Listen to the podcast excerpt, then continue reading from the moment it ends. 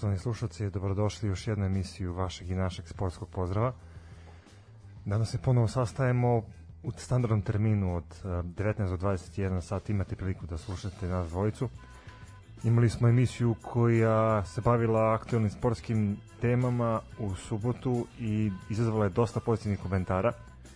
Eto, desilo se i to da, da smo u vanrednom terminu uspeli da odradimo emisiju. Ova nedelja je počela nekako tmurno i kišovito, ali se nadamo da će do kraja nedelje ipak sunce prevladati, da, pa ćete moći da pratite našu futbalsku ligu na licu mesta. Mi se nadamo da ćemo ispratiti oba kola koja idu. A, Stanislave, kako si ti doživeo vikend iza nas i kako ti uopšte izgledalo to snimanje u subotu koje smo obavili ti ja? Da, pa prvo dobroveče svima. Ovaj, pa šta bih ti rekao da je vikend bio lep i sunčan za nama jeste, da je ova nedelja tmurna i nikakva jeste. Ovaj verovatno će takva biti. Mislim da što smo imali leta, imali smo ovaj tako da sad sad počinju već da se ovaj oblače jakne kad se idu i gledaju se ovaj e, superligaši širom države. Uh, da, vanredna emisija, ovaj zapravo redovna emisija u vanrednom terminu pa mislim da je to bilo top, onako malo smo se razmrdali neočekivano.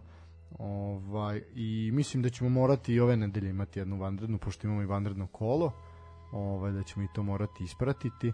Da, kad smo već kod tog vanrednog kola, ono već startuje u utorak. U sredu, da. ne, ne, sutra nema. Da, da, da, ali zvanično je trebalo od utorak, međutim, eto... Da, odložene su dve, ajde možemo odmah to reći. Pa da, ja sam ovaj, mislim to... Oglasila se, oglasila se zajednica Superligaša, zapravo na preporuku medicinske komisije Futbolskog saveza Srbije odloženi su mečevi desetog kola između radničkog iz Niša i Metalca i radnika i TSC.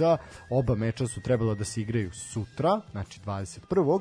A, razlog za odlaganje je bolest većeg broja igrača radničkog e, iz Niša i radnika iz Surdulice. Znači, eto, momci iz ovih vrednih klubova su bili vredni pa su se zarazili, a sad im želimo da se odmore i da se porave što brže, što bolje i bez nekih posledica.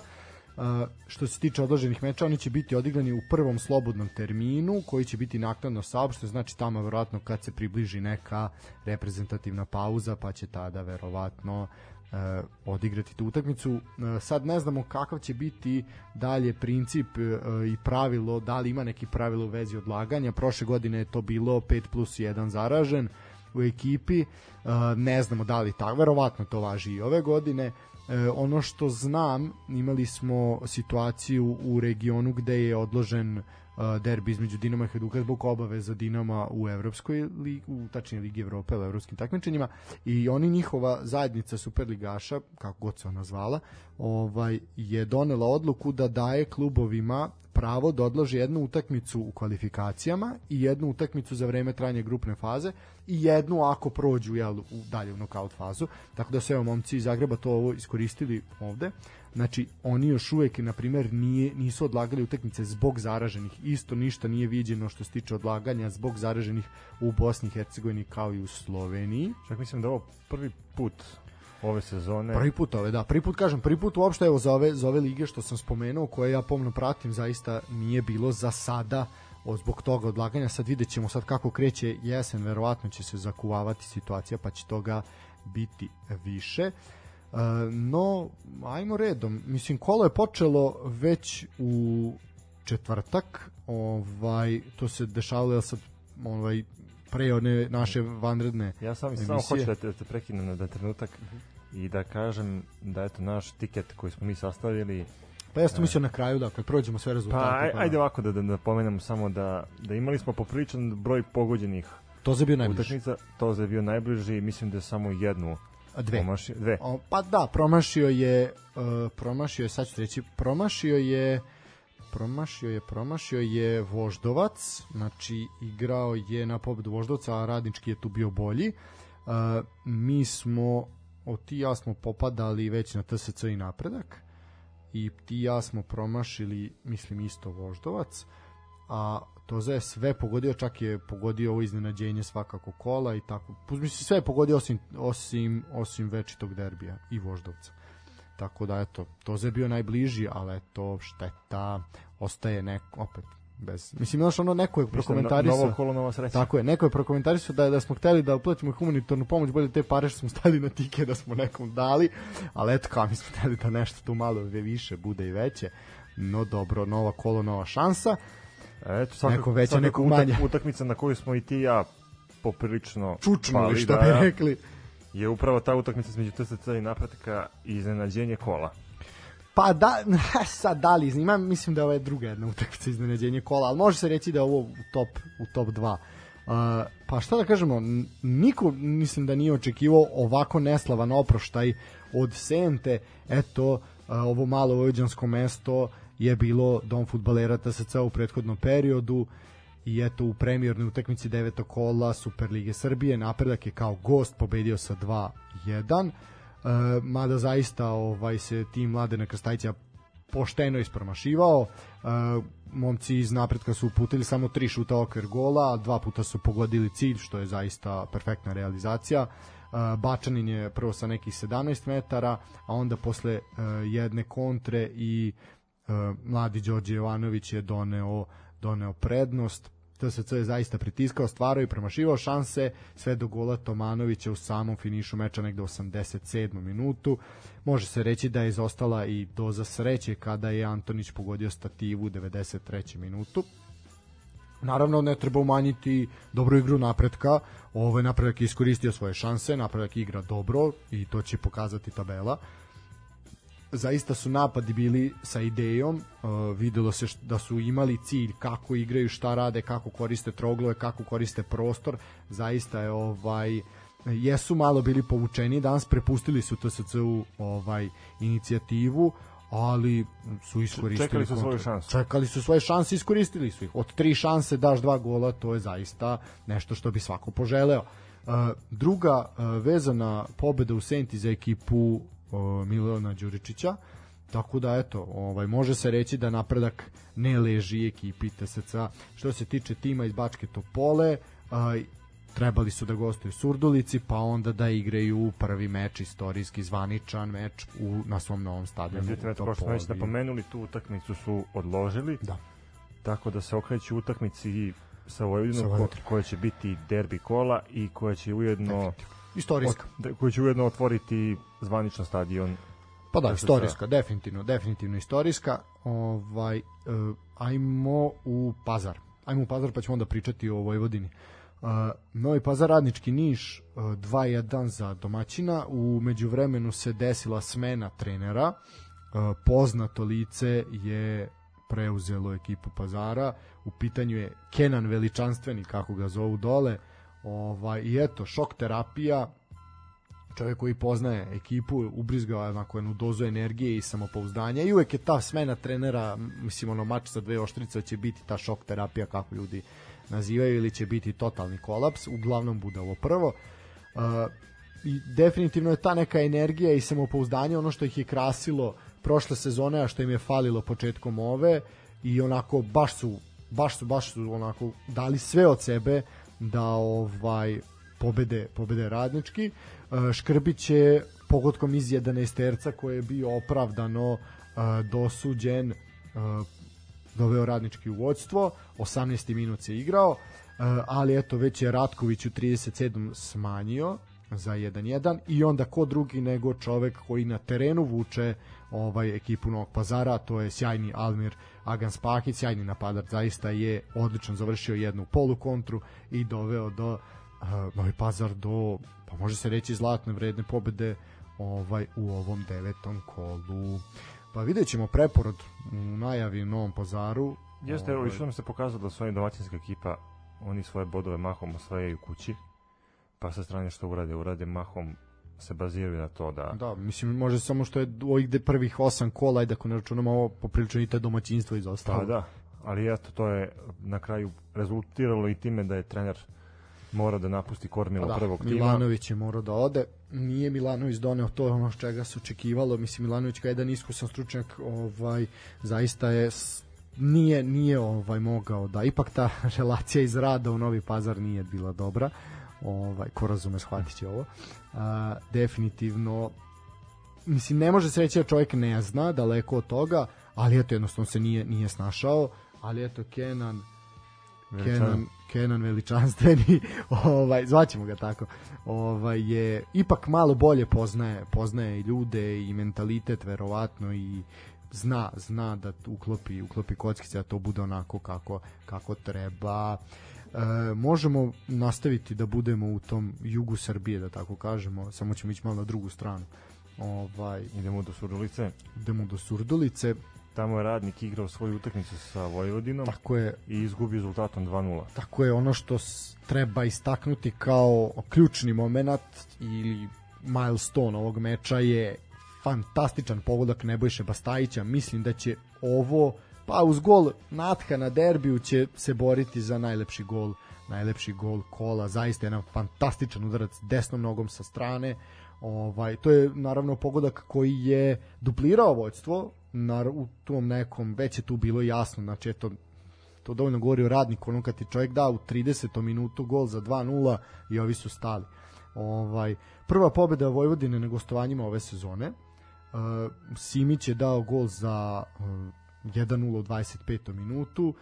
Bastajić, kao što sam rekao, fantastičan, fantastičan udarac. Radnik je za celo, ceo meč stvorio neke dve, tri šanse, ovaj nije to bilo nekih velikih stopostotnih šansi što bi rekli. Ovaj mada pričali smo prošli put o floskulama. Eto ti floskula, stopostotna šansa. Znači to je to je najgluplja da je stopostotno onda bi je dao. Mislim, znaš, ne, ne onda nije stopostotno. Da li postoji stopostotna šansa? Mislim, to je nemoguće. Ovaj, e, bitno Ali- je reći samo još jednu stvar, izvini, e, debitovao je Dušan Đorđević na klupi radnika, to duša eto neslavno, no ajde, ovaj sad ima problem i sa ovim zaraženima, sad šta će tu biti, kako će biti, kako će uspeti da posloži, vidjet ćemo. Treći vezani poraz Surdulice, tako da eto i to je nešto vredno pomena. Skliznuli su, baš su skliznuli. Da, mislim nije se ovo su, ušli su očekivalo. seriju loših rezultata. Definitivno. Koliko god su dobro krenuli u prvih uvodnih par kola, sad su krenuli mada manje više su svi svi su promenili formu. Ko je bio dobar, sad je klonuo, ko je bio loš. Nekome je prijala reprezentativna pauza, nekome zaista nije. Jedni od onih kojima je prijala je svakako ekipa iz Gornjeg Milanovca. Momci, e, druga pobeda u šampionatu, 3-1 si savladana Kolubara, eto posle više od mesec dana i onog triumfa protiv proletera u Milanovcu je čučnula Kolubara. Ovaj eto još jedna Fina- fina fraza. utakmica, da, bilo dosta fina golova. fra- koja bi fraza obeležila ovaj meč? Pa je fina utakmica. Da, ono prvenstveni okršaj, Da. da, da. Ovaj dosta borbe, dosta trčanja, ono, ono što smo navikli od metalca prošle sezone i ono na što nas Kolubara navikava ove sezone, a, to je zaista da bude dosta borbe, dosta trčanja, dosta ovaj napadački da se igra. E, zaista je Krajišnik e, pružio ovaj jednu odličnu odličnu partiju, krunisao je na kraju i golom. Ovaj eto ponovo vratio se da kažem tu neku formu koja ga je krasila prošle sezone. Prošle sezone je imao saigrača nažalost koji više nije tu sa njim, pa mu je sad ovaj teže znamo radi se o internacionalcu iz Konga kog ne vredi više spominjati. Uh, Cvetković je takođe bio fantastičan, ponovo to su zapravo neka osovina koja vuče metalac ove sezone. Cvetković je dva puta bio strelac, prvo za 1-0 u 22. minutu, ovaj a onda u, dva, u 46. povećao na 2-1. Kapiten Kolubare i po najbolji igrač Đenić je u 35. izjednačio. E, što se tiče ovog okršaja svakako treba istaknuti prelep gol Krajišnika, onako jedan projektil ovaj koji će sigurno se boriti. Ne znam da li je Superliga izbacila od top, top 5 gola, mislim da još uvijek nisu, oni to malo uvijek kasne. Uh, u suštini dobra utakmica, Metalac nije mnogo dao Kolubari i zasluženo osvojena tri boda. Slažem se, eto, uh, iz Milanovca idemo na Banovo Brdo. Čukarički svoju utakmicu igrao protiv ekipe Spartaka i pobedio rezultatom 2-1. Uh, krenuli su dobro, krenuli su agresivno uh, da napadaju ekipu iz Subotice i prvi gol je relativno brzo i došao. Dobro su otvorili meč i preko Đorđe Jovanovića stekli prednost njegov asistent uh, je bio Aleksa Janković. Uh, Spartak je na to reagovao tako što je krenuo da napada, da osvaja teren. pokušavali su nekim polukontrama da, da dođu u situaciju za postizanje gola. Pa da, može se reći da je Aleksa Jovanović bio ključan u, u ovaj pored Đorđe Jovanovića koji zaista mislim ne vredi više pričati koliko je fenomenalan. Aleksa Jovanović imao ključnu ključnu ovaj ulogu, bio je asistent. Malo je Spartak tu pokušao kao nešto da kad je izjednačio pokušali su nešto, međutim zaista je ovaj Čukarički onda pokazao silu, autogol Ivančevića sredinom drugog dela. E onda je Đorđe Ivanović postigao jedan fantastičan ovaj pogodak sa ivice kaznenog prostora Lobova golmana. Međutim oglasio se VAR i pogodak je poništen. E sad, E, to, to, je, to je dobro što si pomenuo. Htio bi da izanaliziramo tu celu situaciju. Ajde. Da morao sam da se zavalim ovo, ovo sad, sad će me glaze boleti. Ovaj ja mislim da je VAR pogrešio. Ja isto. Ja sam ubeđen u to. Apsolutno. Uh, znaš ono, ha, da, mislim, opet, opet se dolazi na istu priču, znači, to ćemo pričati i sad kad bude, što se tiče derbija, svakako ćemo se tu najviše dotaknuti suđenja, ovaj, a kako da se dotaknemo, kako da se ne dotaknemo suđenja kad Novak Simović vodi glavnu paradu, ovaj, definitivno mislim da je ovde Čukarički oštećen i da eto Čukarički se dodaje na tu listu klubova koji su izvukli deblji kraj vara. E, ono što smo imali u prošlom kolu, taj moment da se pokazuju te linije i sve to, opet smo ovaj put e, izostalo je, čak i ponovljeni snimak je bio onako poprilično problem. E, ne znam, zaista imaću komentar na Arenu Sport na kraju, tako da ajde za sad nek ostane ovako eto, sreća, sreća je što je Čukarički na kraju uzeo bodove, jer da nije, zaista bi onda bio problem. Tu se slažem. Naš, sreća, ajde da kažeš neka pravda je kao Sportska zadovoljena. sreća je za dobro. Pa da, da, pravda neka, ako postoji što bi rekao ovaj Bože, Predak Strajnić, ako postoji pravda, ovaj, živeo kralj, to je vikao onda one noći u Njukaslu, tako da u suštini sreća, sreća što je ovo, jer zaista bi velika, velika nepravda i šteta bilo da nisu uzeli bodove, ali bilo je timova koji su oštećeni ove sezone, pa je to direktno uticalo na uzimanje bodova. Prva je Kolubara, pa zatim Voždovac i tako dalje. Pa i Voždovcu je prekinut gol, po, pa, prekinut, pardon, poništen gol. Mi svakako ćemo pričati o tom meču uskoro. Sve u svemu, eto još jedna pobjeda za ekipu Saše Ilića. E, ovo je Subotičanima prvi poraz posle skoro meseci po dana i posle pet vezanih kola, što je to za ekipu Vladimira Buača zaista, zaista lepa serija. Dobro Spartak igra ove sezone. Da, koliko su se patili prošle, tačni na kraju prošle sezone, sad su odlični. Da ih ne ureknemo. P, p, p, daleko bilo.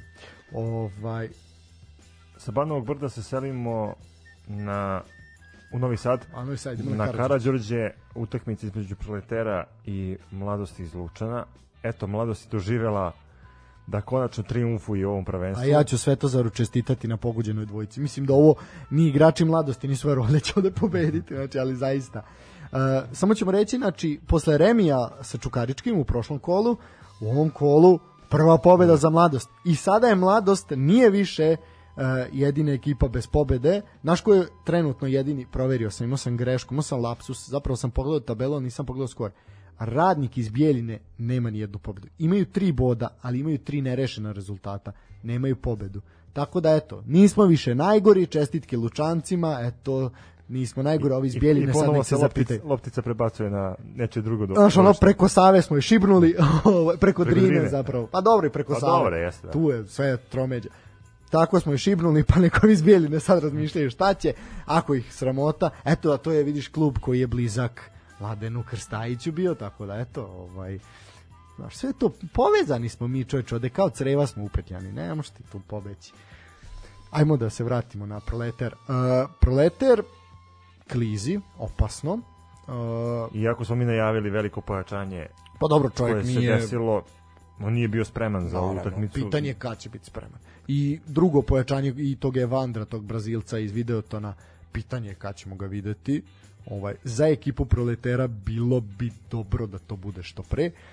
Uh, svakako proletar u ozbiljnom problemu. Proletar jeste pružio ovde dobar otpor, ali Bato kad primiš tri komada u prvom poluvremenu I to kako ih primiš, primiš ih na, na svoje greške preko Absolutno. kontri. A vidi, a na krilu majstor Saša Jovanović, čovjek povratnik i čovjek koji je godinama, godinama vukao mladost, ovaj zaista bio na terenu produžena ruka Neška Milovanovića Ovaj, I Lučanci su preko njega, eto, koji je bio strelac u devetom minutu, on je otvorio, Tomović izjednačio da bi Obradović i Radivojević podigli na 3-1, a Vukasović, eto, početkom drugog poluvremena smanjio na 3-2, ali eto, ostali su pro, momci iz proletera bez municije. Novosađani su zaista pokazali jako puno slabosti u defanzivi, i eto u ovih osam kola podatak za jedan zanimljiv da su samo jednom uspeli da sačuvaju svoju mrežu. Znači škripi debelo. Ne da škripi uh, nego puca. pa vidi na svom terenu u prvom polurenu primiš tri komada. Znaš da nemaš čemu da se nadaš. Uh, pritom opet su ušli u utakmicu bojažljivo i opet prave greške. Da. Prvih 10-15 minuta proletar se nije vidio na, na, na terenu i tek kada je primio gol da je krenuo da igra neku svoju igru čudno, baš čudno nekako. Mislim, ajde što se, na terenu. Da, što se ovde tiče, može se reći zaista da eto ono što je dobro u Proleteru da je Vukasović postigao zaista jedan efektan, da, lep, lep efektan gol, da. lep gol je čovjek dao. Ova, evo da sad vidim da je Evandro, da je bito, eto moja greška, Evandro jeste po par minuta odigrao, ovaj, eto, bio je solidan koliko može biti za par minuta, ali sve to pada u vodu, vodovi idu u Lučane. E, ajmo, ćemo pričati o Voždovcu pa da imamo kratku pauzu. Može, može. može. Uh, šta, duel na krovu se igrao u periodu dok smo ti i ja imali vanrednu emisiju, ja sam to malo pratio krajičkom oka uh, i to moje praćenje te utakmice nas nije omelo da apsolutno pogodimo sve vezano za derbi, ali ajde, to ćemo posle pauze, ćemo se hvalimo kako smo pametni. Što se tiče Voždovca, to je uh, meč na kojem smo sva trojica čučuli što se tiče etiketa, znači ipak nismo pametni. Uh, što se tiče radničkog iz Kragujevca, ajmo prvo malo njima, pa ćemo onda kritikovati voždac. Prva dva kola, dve pobede i onda dva meseca bez pobede do utakmice na krovu. Radnički je savladao ovaj Voždovac u jednoj zaista odlična, odlična utakmica koja je zaista sve viđeno. Voždovac je diktirao tempo i zaista imao inicijativu, bili su dobri, kao što je neko poništen im je jedan pogodak, pa dalje opravdano, nije opravdano, ne znam, volio bi da je Mare tu pa da vam kaže svoje mišljenje ovaj Kra, Kragujevčani su malo čekali jel opet iz kontra, znači slično kao ekipa napretka. Zapravo dva preslikana meča, ovaj čekali su svoje šanse, iskoristili su ih.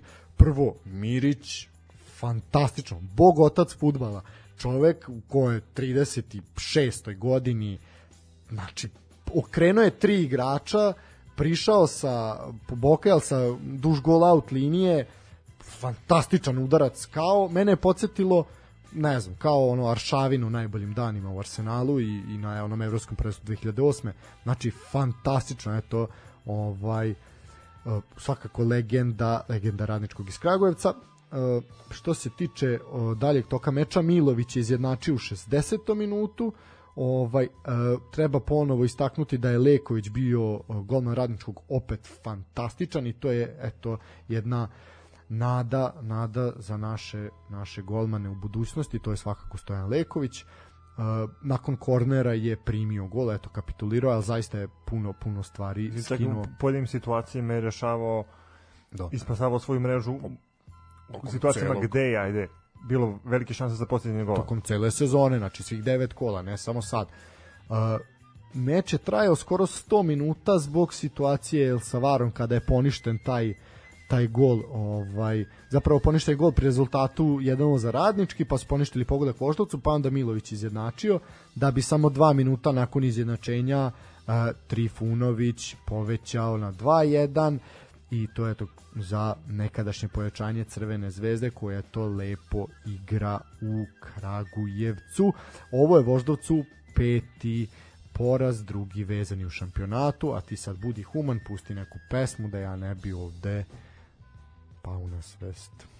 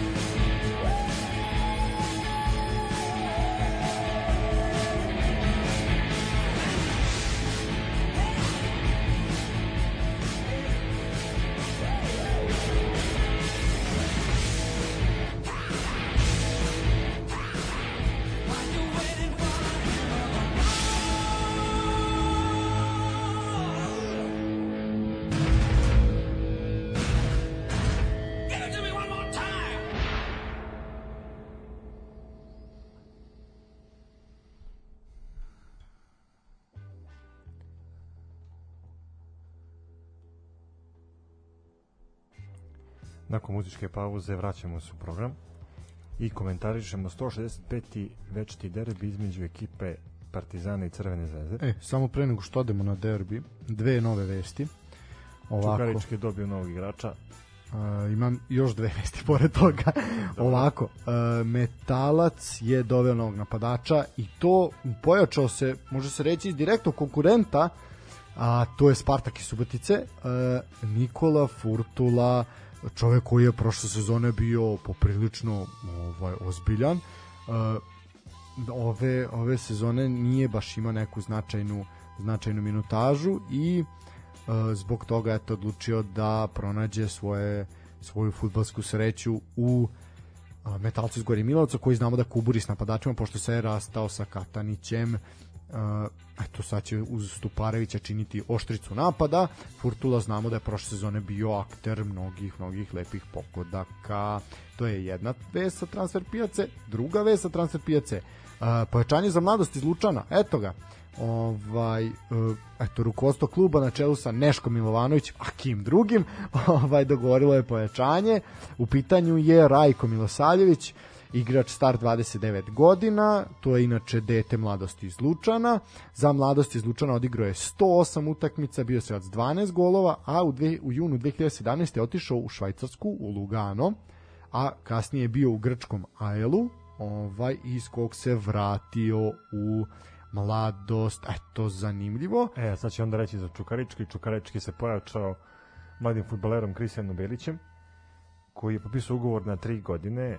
Uh, on je došao iz ekipe Olimpijakosa, šest godina je proveo u inostranstvu i bio je uh, član naše mlade selekcije do 17, 18 i 19 godina. Igra na poziciji defanzivnog veziste, tako da će to biti definitivno pojačanje za ekipu Saša Ilića u ovoj sezoni. Definitivno, a imamo još jednu vest, uh, naši, uspeh, uspesi naših u svetu. Srbin ponovo na klupi Gane. Aj pogađa ko je. Koji naš proslavljeni stručak je ponovo na klupi Gane? Samo ću ti reći, već je tamo bio. Ne mogu da vidim. Milovan Rajevac. Aj, Rajevac. Milovan Rajevac se vraća na mesto uspeha. Uh, eto, naš 67-godišnji stručnjak će verovatno ponovo preuzeti selekciju te afričke zemlje.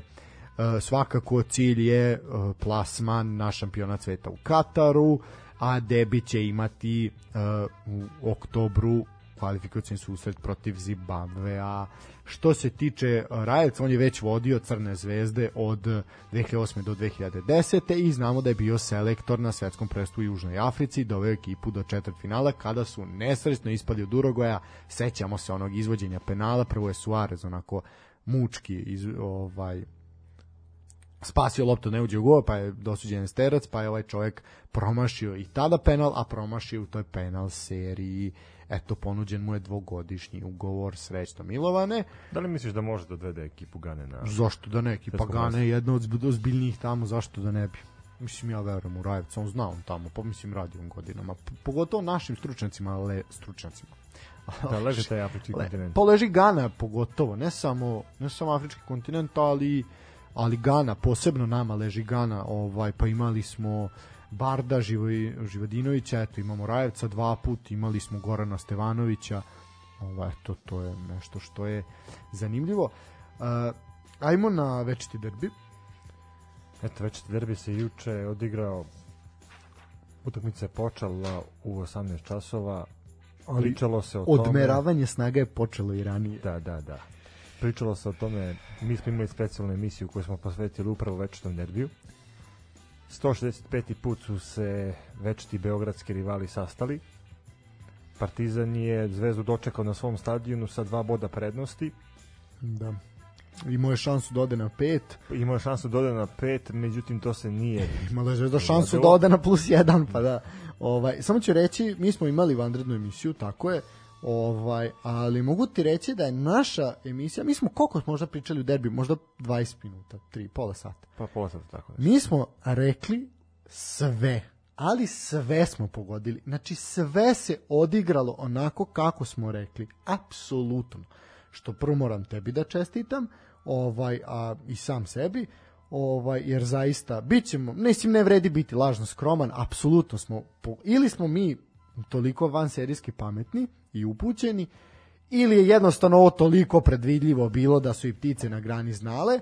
E sad samim tim što je naša emisija bila takva kakva jeste, ja moram, pošto ti si bio u Beogradu, a ja sad ću sad komentarisati, ti ćeš komentarisati, komentarisati iz tog ugla, a ja iz ovoga kao običan posmatrač iz fotelje, zavaljen. E, ja sam gledao Arenin studio e, Pre utakmice. pre utakmice, gde su gosti bili Rade Zalad i Slavko Perović, svakako jedan i drugi legende svojih klubova. Ovaj, Rade Zalad nešto ipak mora se priznati veća od Slavka Perovića. Ovaj, s tim, u to sam spreman da uđem u takvu raspravu da ono da se posvađamo. Ovaj, tako da e, ta, imali su dva voditelja, ja zaista ne znam kako se ti ljudi zovu, ovaj, ali oni vode taj Arenin studio večito, onu emisiju kao nekada i oni su prisutni, ve, većinski su njih dvojica, onaj jedan ćelavi, onaj drugi s bradicom. Mislim da zna, kad bih video znaš ko su, ali kako se zove, nemaš pojma. Uh, devojke su bile na terenu ove dve Čolovićka i ova druga, one su dočekivale ljude na VIP ulazu ovaj stadion u Humskoj. Ovaj s tim da je Pa da, Čolo- tu, tu ima i mesto, da, da se ne laže. Pa, naravno.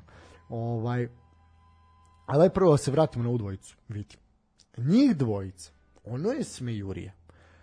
Takav, a, eto, a najavili smo floskule. Ono je, Stefane, oni su sat i nešto vremena, skoro dva sata drvili. Oni ni jedno pametno pitanje nisu postavili.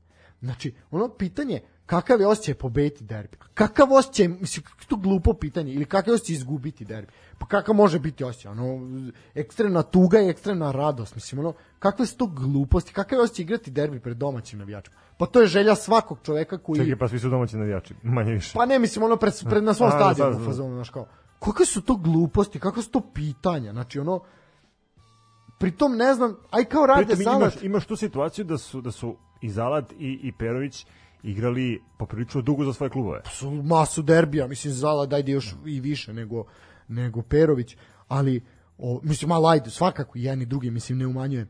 E, I sad ti onda mislim takve ljude, prvo Rade Zalad je ozbiljna legenda jugoslovenskog fudbala, znači velike države. Slavko Perović, ovo je 20. vek, 21. vek, kraj 20. Pa da, prelazak iz 20. u da, 21.. Ovaj, zaista bio ozbiljna, ozbiljna igračka legenda u Crvenoj zvezdi i navijačima. ostao Pritom i sam presudio Partizanu u jednom puta, derbija. Pa, pa više puta je bio ključan faktor. Ovaj, zaista, ono, čovek koji je Zvezdi donosio trofeje, nema spora u tome, uopšte. I onda ti, umesto, znaš, ono, mislim, ja sam svestan da tu nema šta puno da se kaže. Ali, zar je moguće da ili je toliko zaista sve predvidljivo i toliko nema o čemu da se priča, pa se popunjava prostor glupostima, ili zaista oni nemaju pojma i to tako otaljavaju da to nije normalno. Znači, ono je, ono je bilo toliko neprijatno za slušati, da sam ja u jednom momentu mutirao, oni su stajali na ekranu, slušao sam muziku, razumeš, ono, nisam mogao da ih slušam.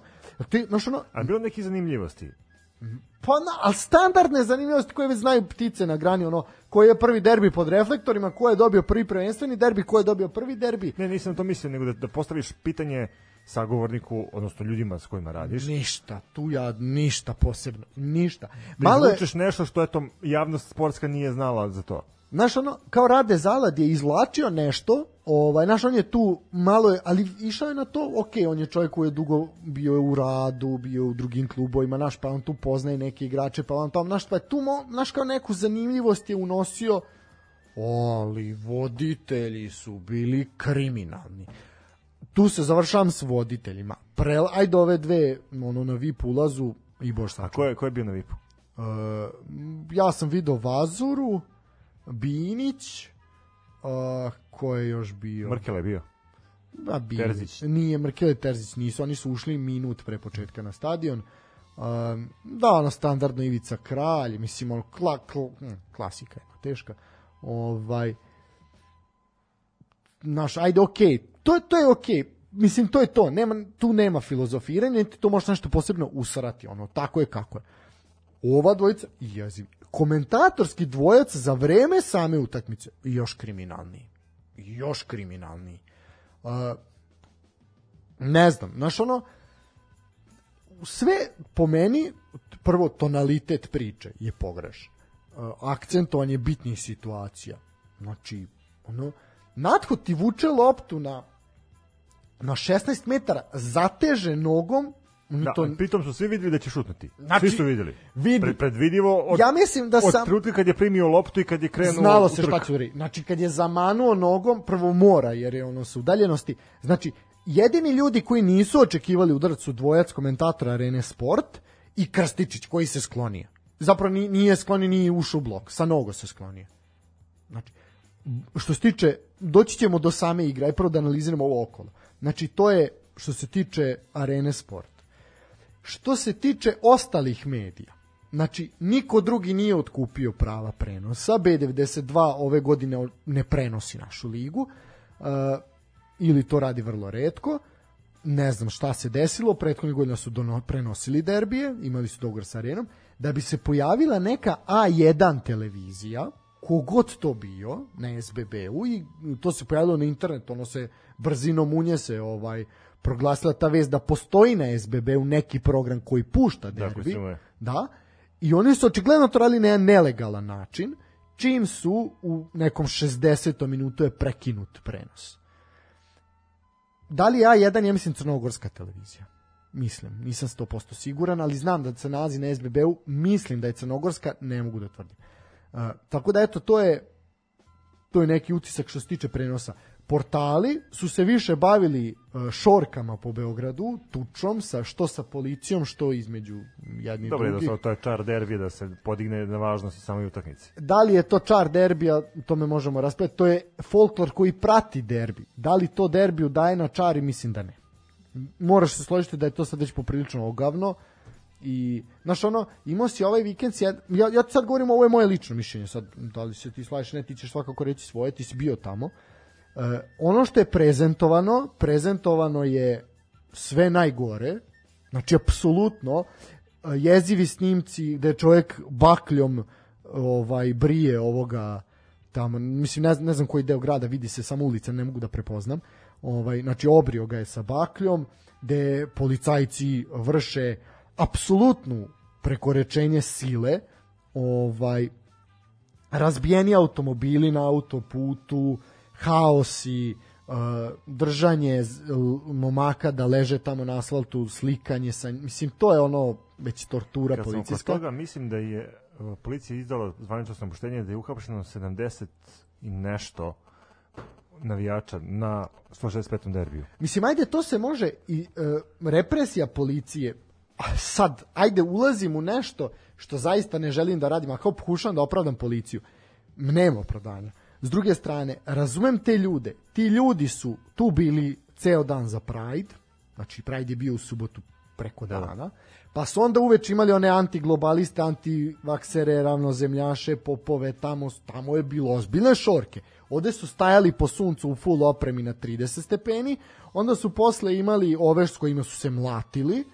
I normalno da drugi dan ono si već besan, pritom te ovi nisu samo bežali od tebe, nego su ti uzvraćali i razumeš, bilo je i povređenih policajaca, par snimaka se ozbiljno vidi da su ono, prilično dobili po batina. Ovaj, A dobili su i burek.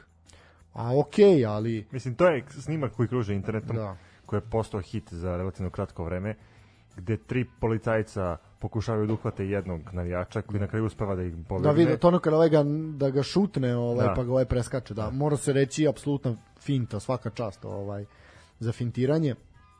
Ovo je slabo, slabo išao na volej.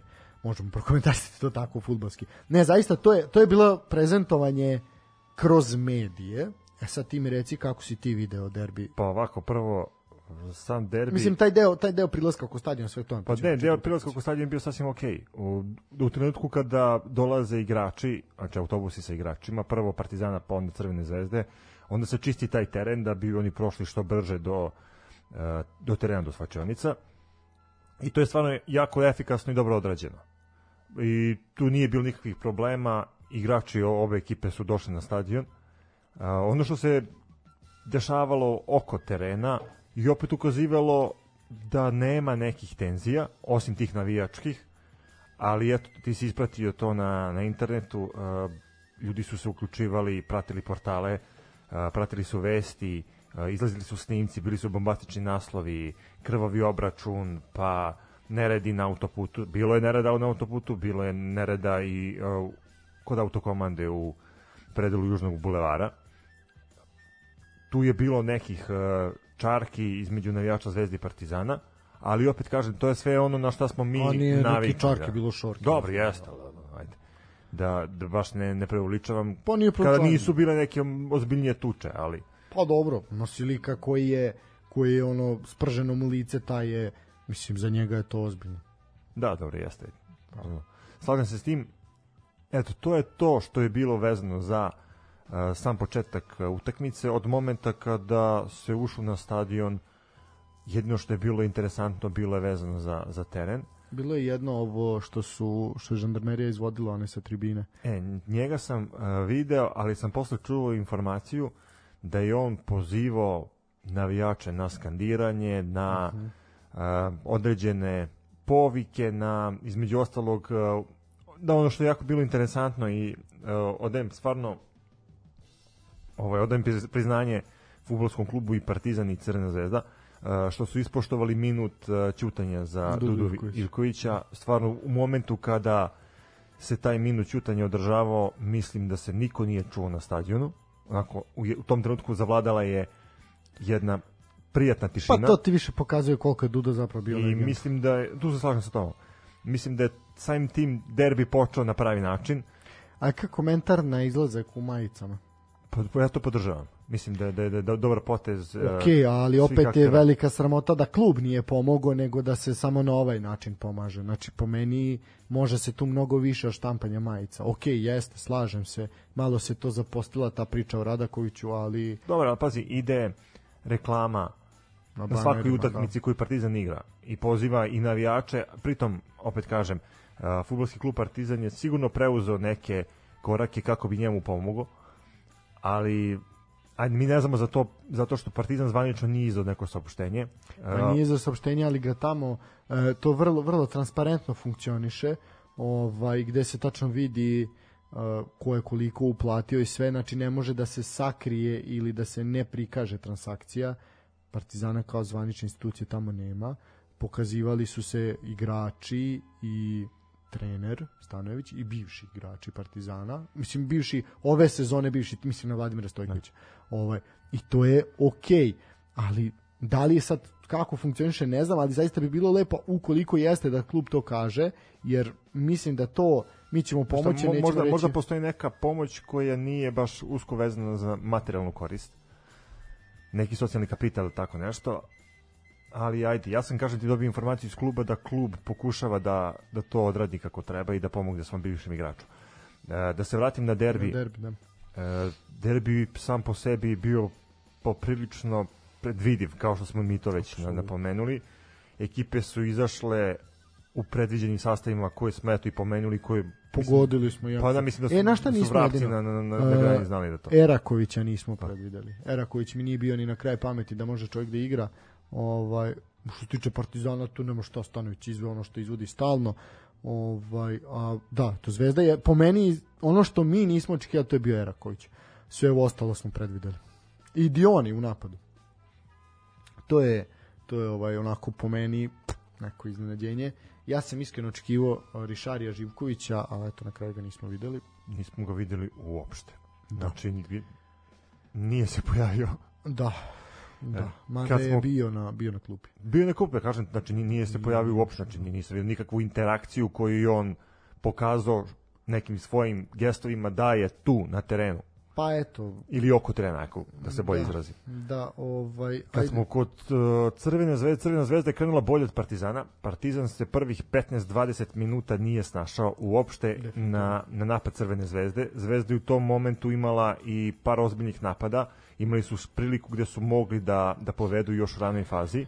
da. Kada je Deoni uh, šutirao i kada je Golan Partizana Popović uh, dobro Da, reagovao. Dioni je poprilično traljao šutirao.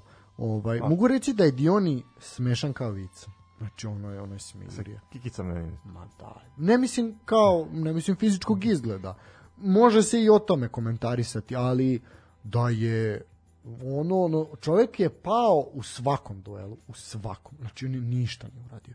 Taj jedan prodor što ima, to je katastrofa. Obi, vratio se par puta u drugom poluvremenu da primi, znači, Da primi loptu, da i primi da loptu i da, da. prosledi na stranu i to je jedino čemu je on doprineo igri Crvene zvezde.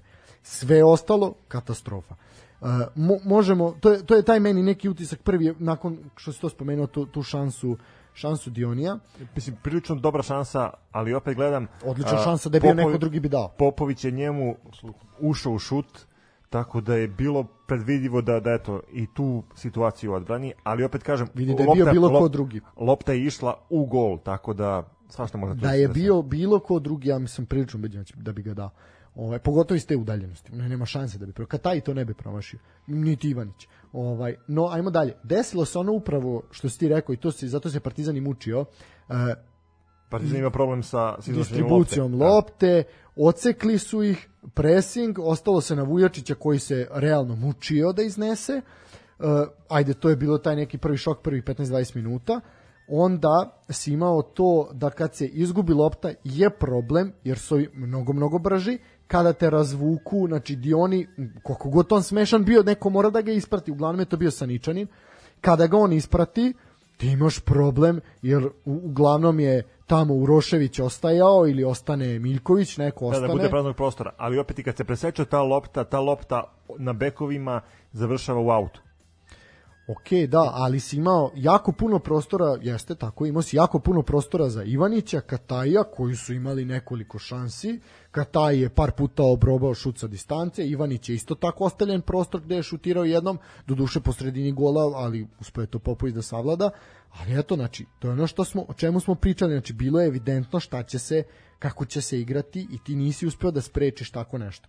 E sad, to je što se tiče toga. Onda imamo uh, solo partituru Natha, koji je čovjek apsolutno, ovo je neindividualni kvalitet. Znači, to je individualni kvalitet jedan kroz jedan. Čovjek je uzeo loptu uh, sa desne strane, povukao je malo ka centru Da, kaznenog prostora, da, ovaj, sa ivice kaznenog prostora, znači sa desne strane, opalio slabijom levom nogom, pritom bih voleo pri, šut u Borjanov ugao sa 16 metara. Čovek, golman kalibra Milana Borjana, to mora da brani. Znači, primiš gol u golmanov ugao, loše pozicioniranje, jezivo loše, Uh, Mislim da ni Borja nije očekivao ta- taj šut. ne možeš da ne očekuješ šut sa š- 16 metara u, u svoj ugao. I opet mi se čini da je bio na, a, na krivi nozi. Bio je na krivoj nozi, bio je daleko od svoje stative. Znači, nije se I po kretao. njegovoj reakciji koju sam video posle na, na snimku, čini mi se da su igrači koji su bili ispred njega njemu zaklonili vid. reći, iz jedne kamere iza gola se lepo videlo ko je pogrešio. Uh, prvo, znači prvo idemo, Borjan je naj, realno kriv, možda, ali najmanje kriv. Uh, Borjan, da, da sam ja trener, bi mi na A4 formatu papira u nekoliko hiljada karaktera objasnio šta je tražio tu i zašto nije nalazio tamo gde treba da se nalazi. To je prva stvar. To se na, u petlićima se uči gde se pozicionira. Druga stvar. Krstičić čovjek ti do, čovjek igra zadnjeg veznog. Tebi čovjek ulazi na še, dolazi na 17 metara od tvog gola, znaš da ima da. šut, dao je brdo takvih golova u Partizanu, ne samo ove sezone, nego i prethodne, znaš da može da opali i jednom i drugom, i ti ne ulaziš u blok, nego ga pratiš pogledom, uživaš u pogodku. To je prvo, to je Krstičić, klub, zato je čovjek i završio na klupi, mislim, jasno je Stanković poznaje to. Druga stvar, sa nogo se sklonio. Znači, Sanogo, Krstičić su realno krivci i više nego što je Borjan. Ali sva trojica su krivi. To je 1-0 natko. Nakon tog gola Partizan se realno razmahao. Znači, krenuli su... Ali e, kad smo kod toga, e, Partizan je planski razmišljao da prepusti u tom trenutku inicijativu Crne zvezde. Zvezda imala dva Ne ja napada, rekao da ne, ne, samo sad kažem, Zvezda imala dva napada gde su pokazali svoju nesigurnost, gde je njih taj go poprilično uznemirio. Partizan je osetio taj strah kod zvezdanih igrača i krenuo u napad. Od 36. minuta kada je postignut taj gol, tako. 36. Od 36. do 42. Partizan je konstantno napadao gol Crvene zvezde. Slažem se, uhvatili su ih u momentumu, ali ja ne bih rekao da je Partizan hteo svesno da prepusti Zvezdi igru. Ne, ovi su bili bolji. Znači, onog momenta kad su primili gol, jednostavno ono, izduvali su se, u tom momentu je pun stadion, nalet navijača, sav taj adrenalin koji ide i onda je, zapravo su se očepili. Vidi se da su igrači Partizana bili na, pod pritiskom. E, vidi, za 36 minuta igre Zvezda je uputila 7 udaraca. Znači, to je ozbiljna, ozbiljna šansa. Ono što smo mi pričali da je prednost Partizana je zapravo uradila Crvena zvezda. Ovaj, ne, ajmo Uh, dalje. Eto, zaboravili smo da, da, da napomenemo i Zvezda imala šansu uh, kad su pogodili prečku. Da, to je Kataj, da. Da. Ovaj, pa rekao sam da je Kataj je dva puta oprobao i jednom ovaj, kako se Ivanić. Uh, no, ajmo dalje. Uh, imali smo onda onaj prodor Uroševića, čovek je trebao da šutira, ali se videlo da on nije glavom bio Dakle, u derbiju. On je zaista goreo previše, posle je na kraju napravio jedan start gde je dobio samo žuti karton, a realno je bilo za crveni i za suspenziju, jer je ono kriminalno bilo. Znači sa dve noge, gde je lopta daleko od igrača, sa leđa, na pod terena, nepotrebno, znači vidi se da je izgoreo. To je, to je ovaj, jedna stvar. Znači prošao je, ubacio je u, u peterac. peterac, međutim tamo je Degenek intervenisao. Tako da Ricardo je bio blizu, ali nažalost nije uspeo. I opet uh, Degenek je to intervenisao, ali je lopta otišla blizu gola. Da, ali mislim, ne, nije bilo Mislim- nikog da zakači. Slažem se, ali iz onog momenta, iz onog ugla kada, Da. kada ti gledaš Moglo u tom da momentu, prevari, da. stvarno moglo da, da, da prevari oko. Da. E, onda se otišao na poluvreme i onda ispostavit će se ključan potez na početku drugog poluvremena, a to je ubacivanje mladog Marka Lazetića, umesto Krstičića koji sa nije, nije znao gde se nalazi, znači okretali su ga kako su stigli. A, Lazetić je po meni derbi, sno, debi, debi i derbi iz snova, zaista dečko koji ima 17 godina, znači nije još ni punoletan, je odigrao fantastičnu utakmicu, zaista nije izgoreo, nego je odigrao onako kako treba. Uh, u 49. minutu prva sporna situacija, to je poništen gol Ricarda Gomeša. E sad, vi na stadionu niste znali da li se gleda VAR, Ma ili se gleda. VAR.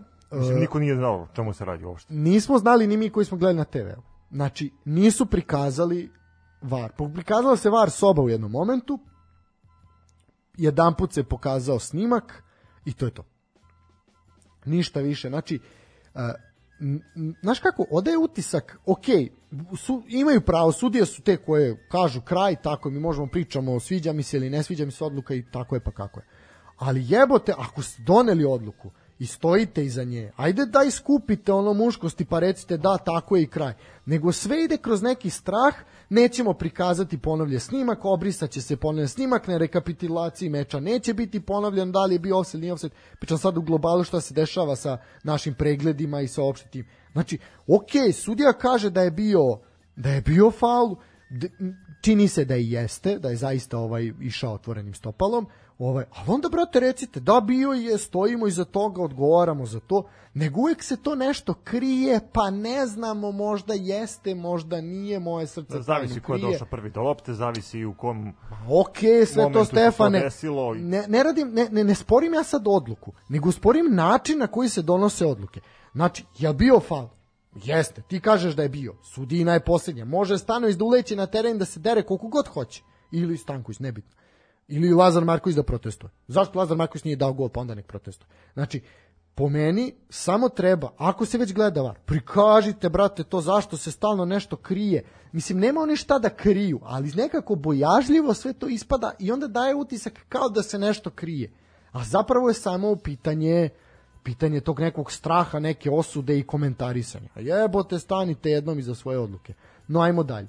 Uh, to je bila prva sporna situacija. Uh, Kanga je onda zaradio opravdani žuti karton, trebao je da ga dobije i ranije. Ovaj, zaista je Partizan imao tu dominaciju do nekog 60. minuta, imali su ovaj imali su par šansi. E, Ona je svakako najbolja kada je Ricardo spustio ponovo glavu i to ono što je njegova zaista najveća mana kada primi loptu i kad krene u dribling uglavnom obori pogled jer gleda u loptu i onda ne vidi ne vidi igrača oko sebe imao je Da, ta fantastično otvaranje bila u 61. minutu. Da, imao je fantastično otvaranje Uroševića koje je morao da isprati. Uh, e sad, što se tiče Ricarda, ajde možemo i tu, uh, dosta je imao duela sa Dragovićem i Dragović ga je poprilično uštopovao, mora se priznati, u prvom delu, posle mu je ovaj bežao, ali onako, vidi se da je tu imao problem Ricardo malo sa i on nije baš ušao u prvom polu nije u prvom, prvom polu vremenu bio skoncentrisan bio je čak u jednom momentu ja verujem da vi to niste videli na stadionu ga je sudija opomenuo verovatno se video da je prišao do out linije da je morao da skine narukvicu. Znači greška četvrtog sudije. Kako možeš kad proveravaš opremu igračima da pustiš čovjeka sa narukvicom na ruci? Pri tom metalnom da, da. narukvicom i on je valjda kako je u nekom odguravanju zakače Dragovića se požalio na grebotinu i onda je Simović prišao i rekao mu da ili zalepi flaster ili da skine. Na šta je na šta je čovjek skinuo narukvicu. Znači eto, još jedna, još jedna greška sudija. Ovaj, kao što rekao, Dragović je bio fantastičan, zaista je čovjek odigrao meč ono, na razini na koje se očekivalo da od njega. Uh, rekli smo 60. minut, to je posljednja ozbiljna šansa Partizana ovaj, u tom delu meča. Onda kreće Zvezda da pritiska. Ušao je Menig umesto Lazara Markovića, ušao je Terzić da, umesto Ivanića. Da, napravi izmene i Zvezda takođe. Oba, oba krila, da. Uh, Falko je ušao umesto Ivanića, uh, koji je svakako bio potrošen. Eraković je takođe imao solidno, solidno, solidnih prvih 50 minuta, Gajić ga je posle zamenio. Uh, E sad, ključna po meni greška Aleksandra Stanojevića je izmena Šćekić Natho. Znači, tu je morao da izađe Miloš Jović koji je bio vidno umorniji od Natha. A onda umesto Natha je morao da uđe neki ofanzivni veznik. Da li će to biti Baždar, da li će biti Holender koji će igrati poučeno, u krajnjoj liniji treba je biti Suma, ovaj, ali je tu zapravo po meni, meni ključna, ključna greška, tu je Partizan ostao bez mozga na, na ovaj na sredini terenu, da. da. da. I zapravo se posle ispostavilo da je Zeka Jojić nažalost nesretno se našao tuku posle kod pogodka Kataja. No, ja, ajmo kad smo kod tog gola Kataja. Samo još jedan jedan bitan moment pre pogodka Kataja, a to je ulazak mladog Stanića. To je taj drugi zvezdin tinejdžer koji je ušao, koji je isto odlično odigrao. Znači pročito, ima pročito sam njegovu izjavu u novinama gde je izjavio da je prošli derbi gledao na, na tribinama kao navijač, a da je sad doživeo da igra večiti derbi. Da. Mislim da je dobro što ga je Stanković gurnu u vatru, jer ipak igrate tako mladi jednu od najvažnijih utakmica u sezoni, pritom to je najveća utakmica našeg futbala i stvarno jedno veliko iskustvo za, za mladog Absolutno. igrača. Ovaj, što se tiče, e, onda je usledilo, kao što smo rekli, serija, zaista serija napada ovaj, Crvene zvezde, pritiskali su, pritiskali su, pritiskali su, ovaj, i eto onda je došlo do izjednačujućeg gola Kataja glavom. Da, na centar šut Da, to je bila treća šansa Kataja ozbiljna na meču, posle sjajnog zaista centar šuta da Rodića. E sad, to je druga sporna situacija, jer je tu velika vjerojatnoća da je bilo faula, bilo je guranja sigurno, kad taj je tokom celog meča u duelima koristio obe ruke da se gura, što sudije nisu ni jedan put okarakterisale kao faul. Uh, sa druge strane, uh, ajde sad da kad kreli, da ovde završimo priču o suđenju. Novak Simović je imao dva poluvremena, dva totalno različita kriterijuma suđenja. Prvom poluvremenu pustio je grublju igru, e, nesvojstveno njemu, čak su i komentatori arene primetili to i rekli, eto, kritikovali su ga prethodni puta kako je puno seku igru, znaš da smo i mi najavili. Da. Apsolutno. Mislim, to je njegov stil igre. Stil suđenja, suđenja da. da. Ovaj, mi smo to isto najavili da to očekujemo. I onda, uh, znači, moram priznati da me iznenadio da je pustio neke duele, da bi onda u drugom poluvremenu toliko ziheraški sudio da to nije normalno. Znači, imao si prvih 45 minuta jedan kriterijum šta se desilo da u drugih 45 apsolutno seckaš igru na svaki 20 sekundi. Pritom je neke odluke kompenzovao, znači gde je svirao Zvezdi, posle Absolutno. je oduzimao, gde je svirao Partizanu, posle oduzimao loptu i tako I dalje. I kako to obično biva, čim prvu kompenzaciju napraviš ide sve dođavala. Znači tu, tu se gubi. Da je nastavio da sudi kao u prvom polovremenu, drugačije bi bilo. E sad... Ja, ja pa gledam, mislim da on generalno dobro sudio ovaj derbi. Jedino ostaje da. ta mrlja taj gol Ricarda, da li jeste ili nije, to je moglo e, bolje da se izanalizira. Da, e sad ovako, što se tiče toga, e, tu je sad, na šta tu sad tu postoji jedan problem. Da je, e, da nije Simović sudio faul, koliko sam ja shvatio, možda ja sad grešim. Znači, on je svirao faul pre nego što je lopta ušla u gol. To se vidi jasno na snimku. Znači, mislim da tu čak VAR nije poništavao gol ili on svirao faul, Da je lopta ušla u go, a da Simović nije svirao, onda bi se VAR uglašao. Ali u tom slučaju sam ja pričao sigurno da VAR ne bi poništio ovaj pogodak. Znači, mislim da je tu ključnu grešku napravi on koji je svirao pre. Tako je. Grešku, možda teška reč, greška, propust. Isto tako bilo je nekoliko propusta sa offside-ima, gde su jako brzo dizali, dizali zastavice, takođe odluke linijskih sudija oko auta, da, kornera. Da, to je normalno već. To je toliko grešaka bilo. Tako da poprilično, poprilično loše suđenje, no ajde tu ćemo ga zustaviti sa suđenjem, mislim da smo rekli sve. Uh, pogled Kataja, kažem, mislim po meni, po meni upitan, no dobro, nije se gledao VAR, mada je trebao, ako su se svim pogodcima u, kolu, svakom se gleda, drvi se taj VAR po 6 minuta, zašto se sada u ovakvoj bitnoj utakmici ne gleda? Znači, to je sramota. Uh, I onda kasna izmeđa, izmena Holendera za Jojića, to je trebalo biti mnogo ranije, međutim tu je bilo jasno da će se ozvršiti 1-1. Uh, podela, Zvezda imala posle šansu preko kornera da, da eventualno dođe do pobede, nisu uspeli da. ništa tu da urade. Na kraju Zdjelar, žuti karton Dion i žuti karton Juroš. Pa da, i to je to na kraju 1-1. Ko je srećniji ovim ishodom? Crvena zvezda. Pa mislim da zvezda. Absolutno, oni su došli da ne izgube. Samo da ne izgube, nisu došli da pobede. Ovaj, s druge strane, Partizan bio u Grču i po meni dosta krivaca za ovakav rezultat. Mislim da realno mogu da se smatraju kao da su izgubili, jer su zaista izgubili jednu šansu da u narednim, narednom kolu, pošto zaista ih čeka sada jako težak, ovaj, i jedne i drugi jako težak period i sa evropskim utakmicama i sa putovanjima, gostovanjima i reprezentativne pauze idu sad na svakih mesec dana, imali ste šansu drugovi drugarice da odete na pet bodova razlike posle dugo, dugo godina da mirno i spokojno, spokojnije i mirnije čekate nastavak šampionata, ali ovo je dobro i za nas jer ćemo imati zanimljiviji šampionat. Upravo tako.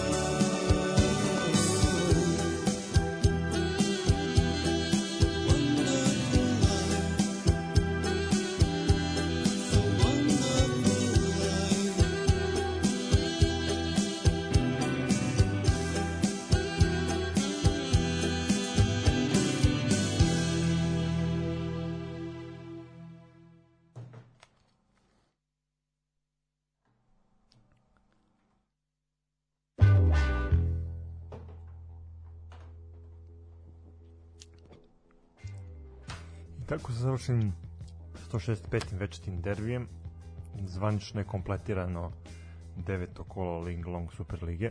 Tako je. Idemo na Idemo na tabelu. deseto, da. Idemo na tabelu. Idemo na tabelu. Druže moj, od dole ili od gore? Pa ne, idemo naravno uvek od gore.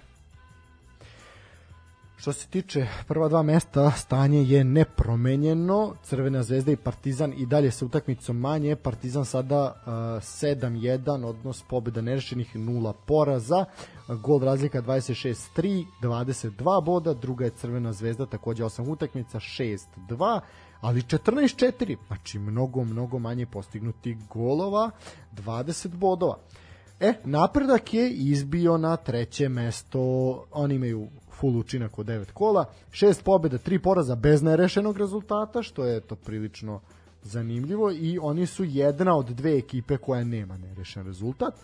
18 bodova, četvrti je bio TSC, ovo je tačno još uvijek je TSC sa 9, kol, 9 odigranih utakmica, 5-2-2, pardon, 17 bodova, peti Čukarički koji ima utakmicu manje, 4-2-2, 14 bodova, šesta je Vojvodina sa 12, sedmi Spartak sa 12, a zanimljivo je da i Vojvodina i Spartak imaju po tri pobede i tri nerešena, s tim da Spartak ima tri poraza. Da, da, pazi ovo, Vojvodina šest, šesta, sedma i osma ekipa ima isti 12 broj bodova. bodova. Da, pa to je to, izjednačeno, jako izjednačeno prvenstvo. Pa eto ti, razlika znači od petog do devetog ti je tri boda ovaj Belovi sa 14, ovi sa uh, 11. Voždovac je druga ekipa koja se trenutno nalazi na osmom mestu, a nema nerešen rezultat, znači 4 pobjede, 5 poraza, 12 bodova ukupno na saldu. Radnički iz Kragujevca prvi ispod crte sa 11 bodova, Kolubara 10 sa 10 bodova, Radnik iz Surdulice će sad imati dve utakmice manje i 9 bodova, Radnički iz Niša će takođe imati dve utakmice, zapravo neće imati samo jednu utakmicu manje, izvinjavam se, 9 bodova, Metalac je 13. sa 8, Novi Pazar uh, je 14. sa 7, Proleter je 15. sa 5 i Mladost iz Lučana je poslednja sa 4 boda, ali eto, Ali vratili su se u igru. vratili su, pa vidi jedna pobeda, mislim prerano smo ih mi otpisali, dugo je prvenstvo, naravno nik ne može se reći za nikog da je ispao, ali biće krvava borba neprestana, no Znači, ako, eto što si napomenuo, ako pogledaš od 9. do 16. mesta, devetoplasirana ekipa radnički iz Kragujevca ima Da. 11 bodova, a posle, a posle plasirani mladost iz Lučana Četiri. 4. to je da, malo, malo razlika. Ali vidi, razlika je tu u, igru. Ja bih više rekao da čak radnički i Kolubara pripadaju u ovog gornjem domu. A ovi su će se ovi boriti ovde. Sla, slažem se, kad se pogleda tabela, to drugačije izgleda, ali razlika na terenu je... Vidi i ovaj metalac sigurno neće ostati 13. Znači tu nema priče. No dobro, ajmo na a, naredno kolo. E sad, a, znači rekli smo da su utakmice između radnika i Surdulice u Surdulici protiv Topole, Bačke Topole odloženi a, kao i radnički Niš u Nišu protiv Metalca zbog zaraženih u radniku i u radničkom. Njima smo rekli želimo brzo oporavak. A onda se kolo a, nastavlja u koliko ja vidim ovde sredu, je li tako? Ovaj, u, Da, da, evo, mislim, sad gledam na, na, gde gledaš. a, na, gledaj na Superligi. Aha. Na Superligi onda, se, gledamo da, onda se nastavlja u sredu. sredu utakmicom Vojvodina Kolubara. u 18.30 će se igrati ta utakmica, a mi ćemo sad ovaj da već evo sad tradicionalno ovaj najavimo. popunimo a izvini, promenjeno je, u pravu si, bila je sreda pre početka, viš promenili su termin, ubacili su za utorak. Da. Zbog prenosa, pa da. Jasno je. Tako da O, sut, sutra do 18.30. Znači sutra od 18.30 imamo Vojvodinu u Novom Sadu protiv biti dobra utakmica. Pa da. Šta očekuješ ti ovde? Pa, eto, očekujem pobedu Vojvodine. Dobro. To je ovako ću da napišem Stefan. A ja očekujem pobedu Voj... ovako očekujem 3 plus. Kolubar igra na, na, na više golova. Da, a Voša će dati dva. odnosno primi više golova. A vidi Vojvodina već koliko utakmica zaredom daje dva komada. Uh, onda znači to je sutra, a onda u sredu u 15.30, znači radni dan u 15.30. A i to još u Kragovicu koji ima zaista odličnu posjećenost. Zašto se to radi? Neverovatno. Radnički Radnički igra protiv Pazar. Nove Pazara. Da. Da, i to odlična utakmica će biti. Pa eto, ne budi Enix. Dobro. Keci gol gol. Idemo u Kruševac, Kruševa, napredak iz Kruševca protiv Čukaričkog. Ovo će biti, ovo je borba za Ja. treću poziciju. Jaka utakmica. Jaka utakmica, borba za treću poziciju, šta kažeš ovde? Pa ne, bude x2. Pa, dobro, zanimljivo. Ja mislim da će ovde biti mm, 2 do 3 gola. Mada možda čak i manje, ali ajde stavit ću 2 3. Uh, to je u 17.30. Istog dana u 17.30 imamo Spartak Suboticu u Subotici Proletar. Eto, duel dve vojvođanske ekipe. Šta kažeš ovde? Pa eto, tipovi na pobedu Spartaka. Znači Kec. Ja ovde kažem da bi ovde moglo biti golova ako ne bude nekog velikog strašnog vetra u Subotici, mislim da će ovde biti 3+. plus. Uh, 23. to je već četvrtak u 17.55 Mladost u Lučanima kao poslednje plasirana ekipa dočekuje prvo plasiranu, znači najgora i najbolja ekipa trenutno u šampionatu, Mladost Partizan. Pa nek bude pobeda Partizana, znači dvojka i 2-3 plus. Osi Hazarder u pičku. A, da, ajde se šta reći ovde. Uh, 2 i 0 do 2. Ajde. Okej. Ajde. Uh, Crvena zvezda Voždovac, 20 časova četvrtak. Hm, šta ovde? Pa definitivno pobedu Zvezde, ali mislim da Voždovac može da pruži malo jači otpor. Pa nek bude pobeda Zvezde i od 2 do 3. Opet Hazarderski, apsolutno. E, hm. A, evo ti isto, Keci 0 do 2. Znači neće tu biti puno golova. A, to je što se tiče najave kola. E sad najavit ćemo još nešto lepo ovaj, za vikend, jel tako? A to je a možemo pričati malo o prvoj ligi Srbije. Mladost je tamo ovaj Mla- Mladost je trenutno jako prijatno iznenađenje. Da. Oni se nalaze na prvom mestu lige koja se nalazi ispod Super lige, znači to je prva liga Srbije. Igraju- imaju za sad na lepom su putu da pojačaju društvo najboljih. Tako je, pritom imaju jako dobru gol razliku, imaju sedam golova i jedan primljeni, ako se dobro sećam, a ti Da. mi ispravi. Tako je to. I mislim da imaju koliko su? 13 i 3, 16, 16 bodova, tako? Mm, Da, tako nešto. Dok radi dođem do tabele. U suštini bitno je reći da su oni debitanti u prvoj ligi da. i svakako nisu bili ovaj u prvom krugu favorita za ulazak.